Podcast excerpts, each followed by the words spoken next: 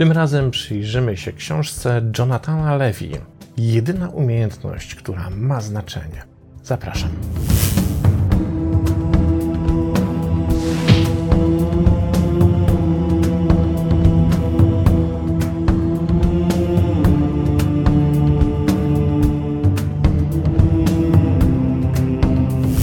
I standardowo spróbujmy odpowiedzieć sobie na pytanie, kim jest autor książki.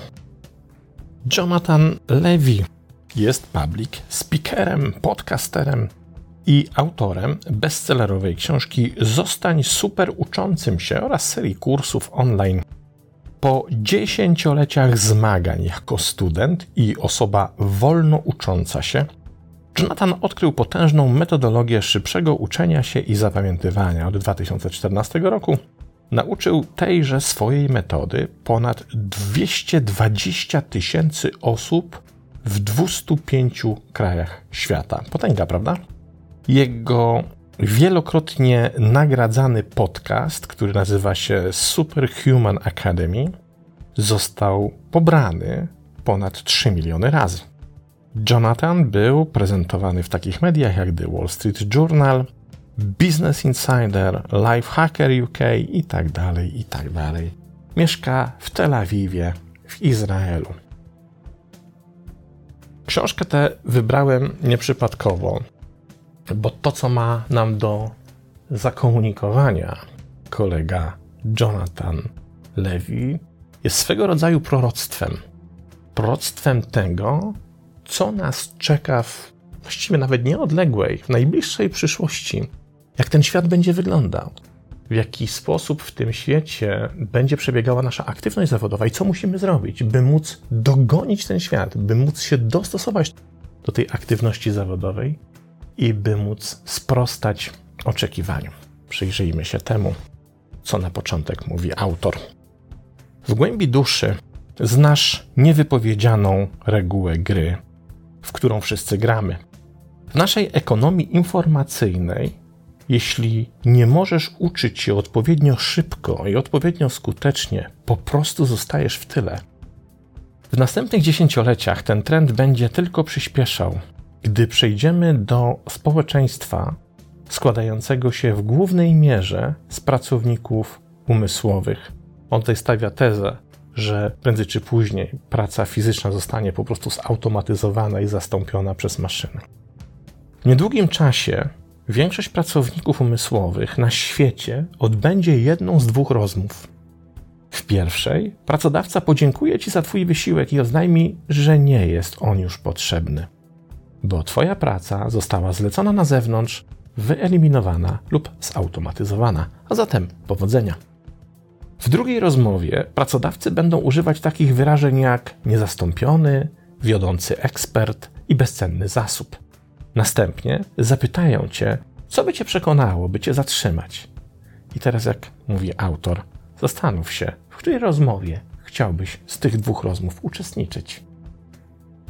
I to, w której będziesz uczestniczył, to co cię spotka, zależy bezpośrednio od tego, w jaki sposób będziesz dysponował, dysponowała umiejętnościami nowego uczenia się.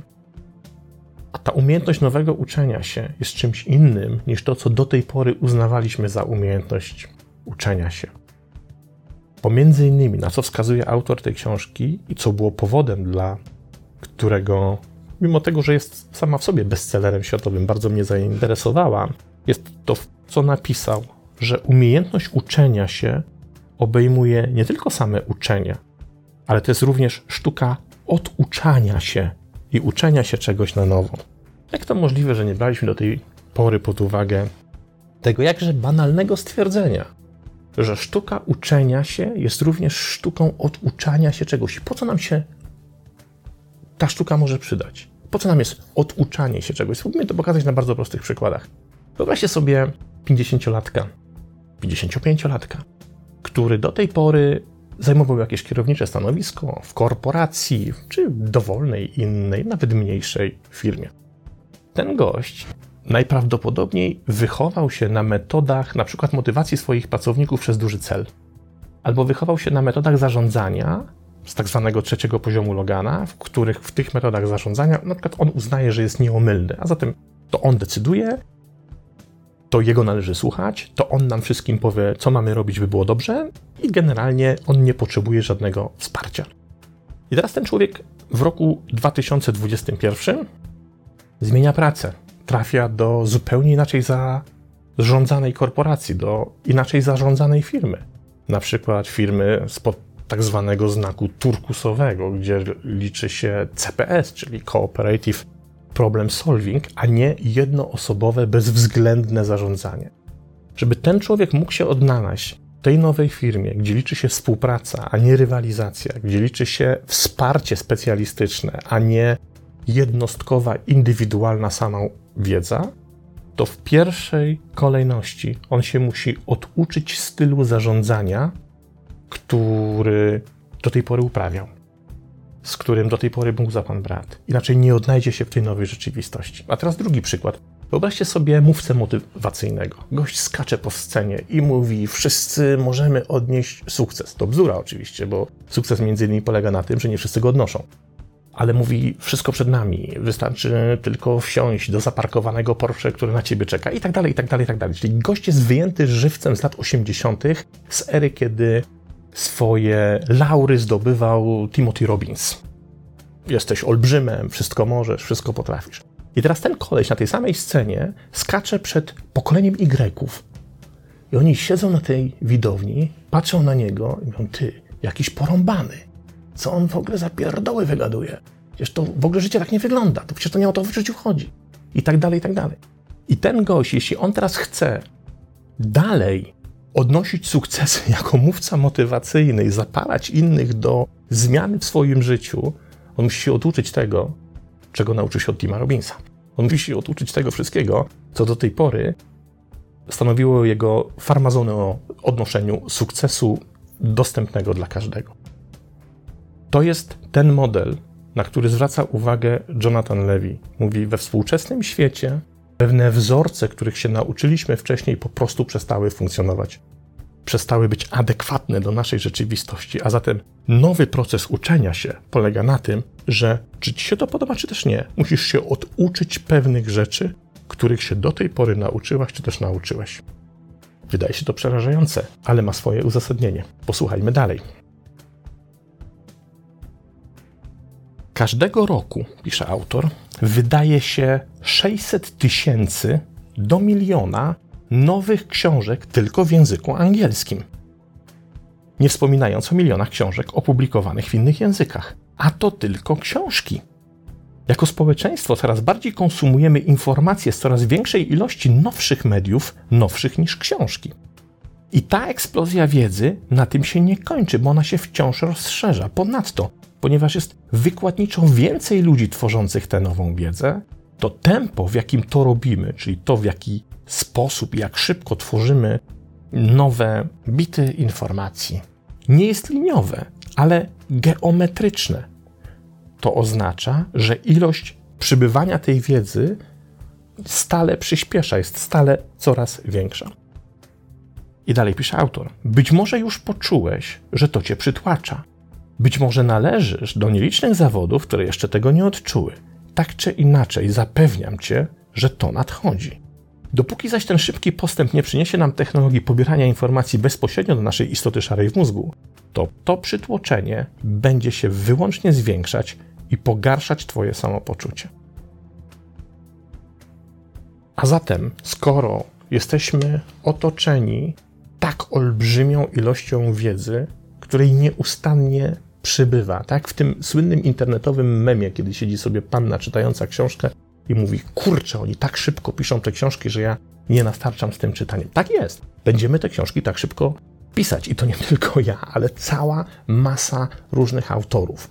Naukowcy, specjaliści, psycholodzy, socjolodzy. Tego będzie coraz więcej. A im więcej jest tej wiedzy, tym siłą rzeczy będziemy mieli dużo większy kłopot z tym, żeby przyswoić to, co dla nas jest istotne, to, co jest praktyczne, to, co jest ważne i to, czego potrzebujemy. W związku z tym, autor tej książki mówi: Potrzebujemy wypracować nową metodę uczenia się, ponieważ dotychczasowe metody uczenia się po prostu nas zawodzą. Nie jesteśmy w stanie opanować tych wszystkich rzeczy, nie jesteśmy w stanie się ich wszystkich nauczyć, nie jesteśmy w stanie tego wszystkiego spamiętać. To jest po prostu fizycznie niemożliwe dla naszego mózgu. Zatem, żeby sprostać zadaniu, musimy wymyślić coś nowego. Musimy nauczyć się na nowo uczyć i musimy opracować nowe sposoby tej nauki. Jednym z tych sposobów właśnie jest autorem jednego z tych sposobów jest autor tej książki. I teraz pierwszy trop.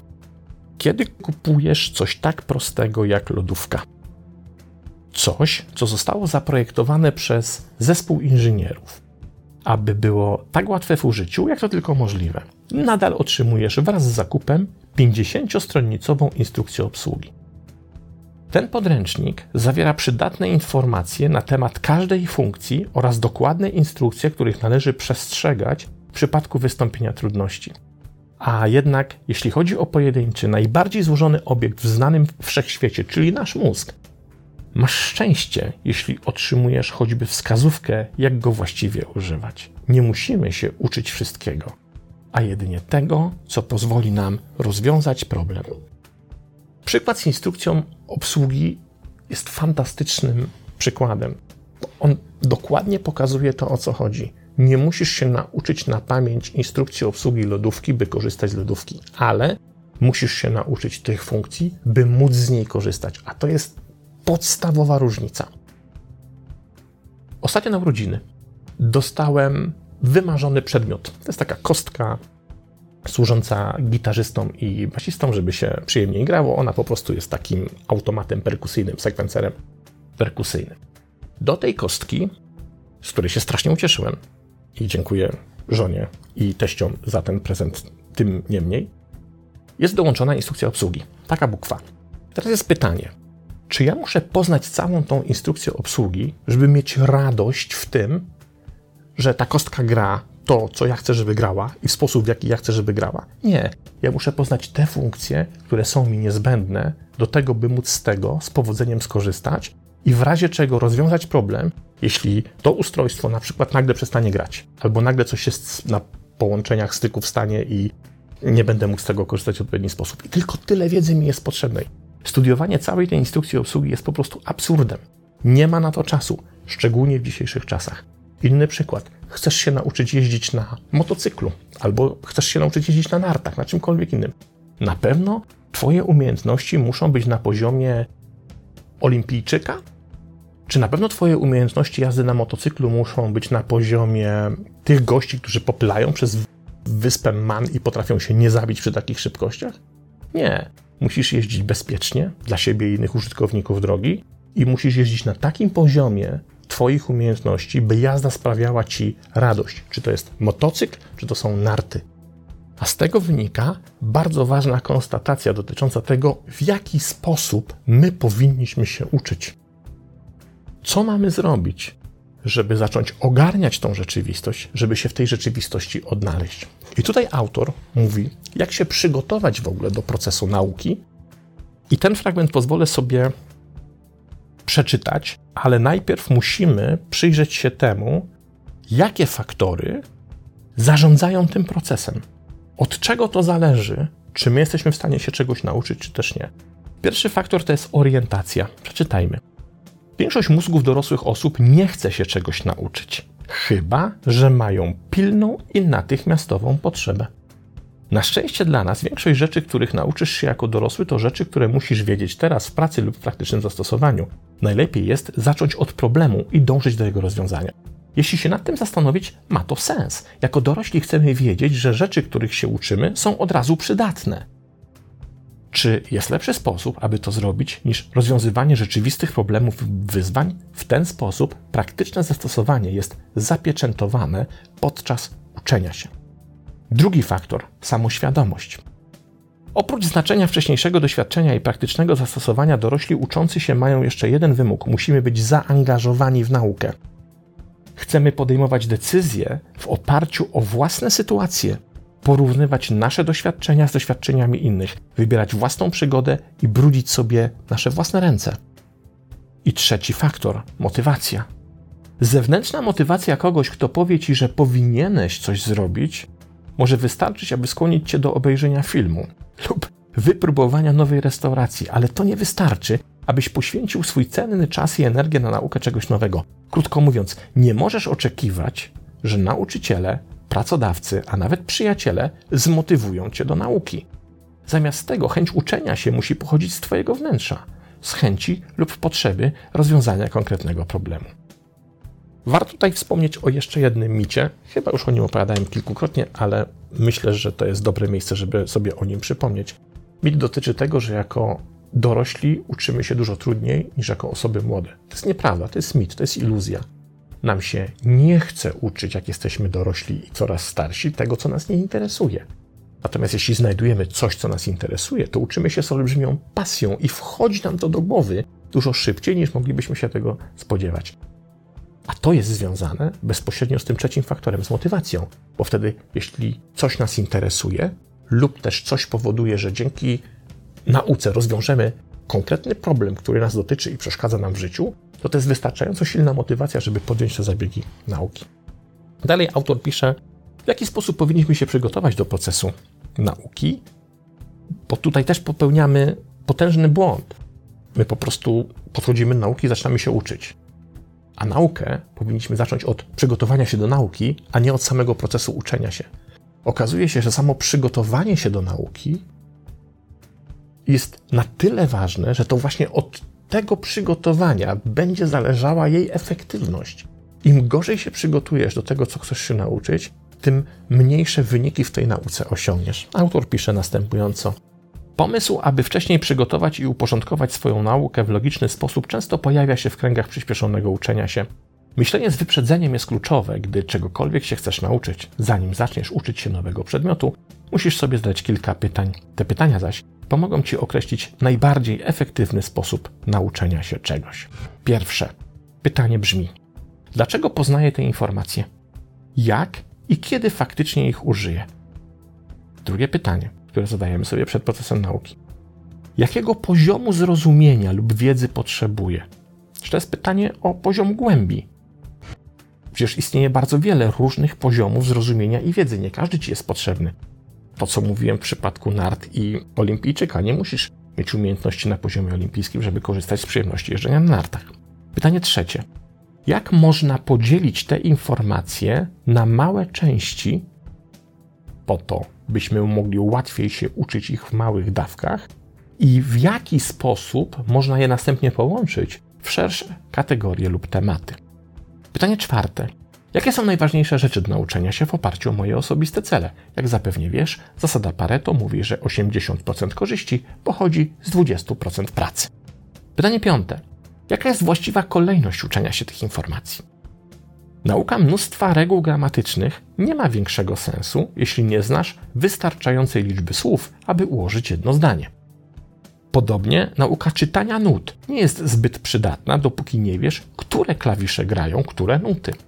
Pamiętaj, nigdy nie odzyskasz czasu spędzonego na uczeniu się niewłaściwych rzeczy w niewłaściwej kolejności. Pytanie szóste, które powinniśmy sobie zadać przed procesem nauki. W jaki sposób uzyskam dostęp do tych informacji? Skąd będę czerpał tą wiedzę?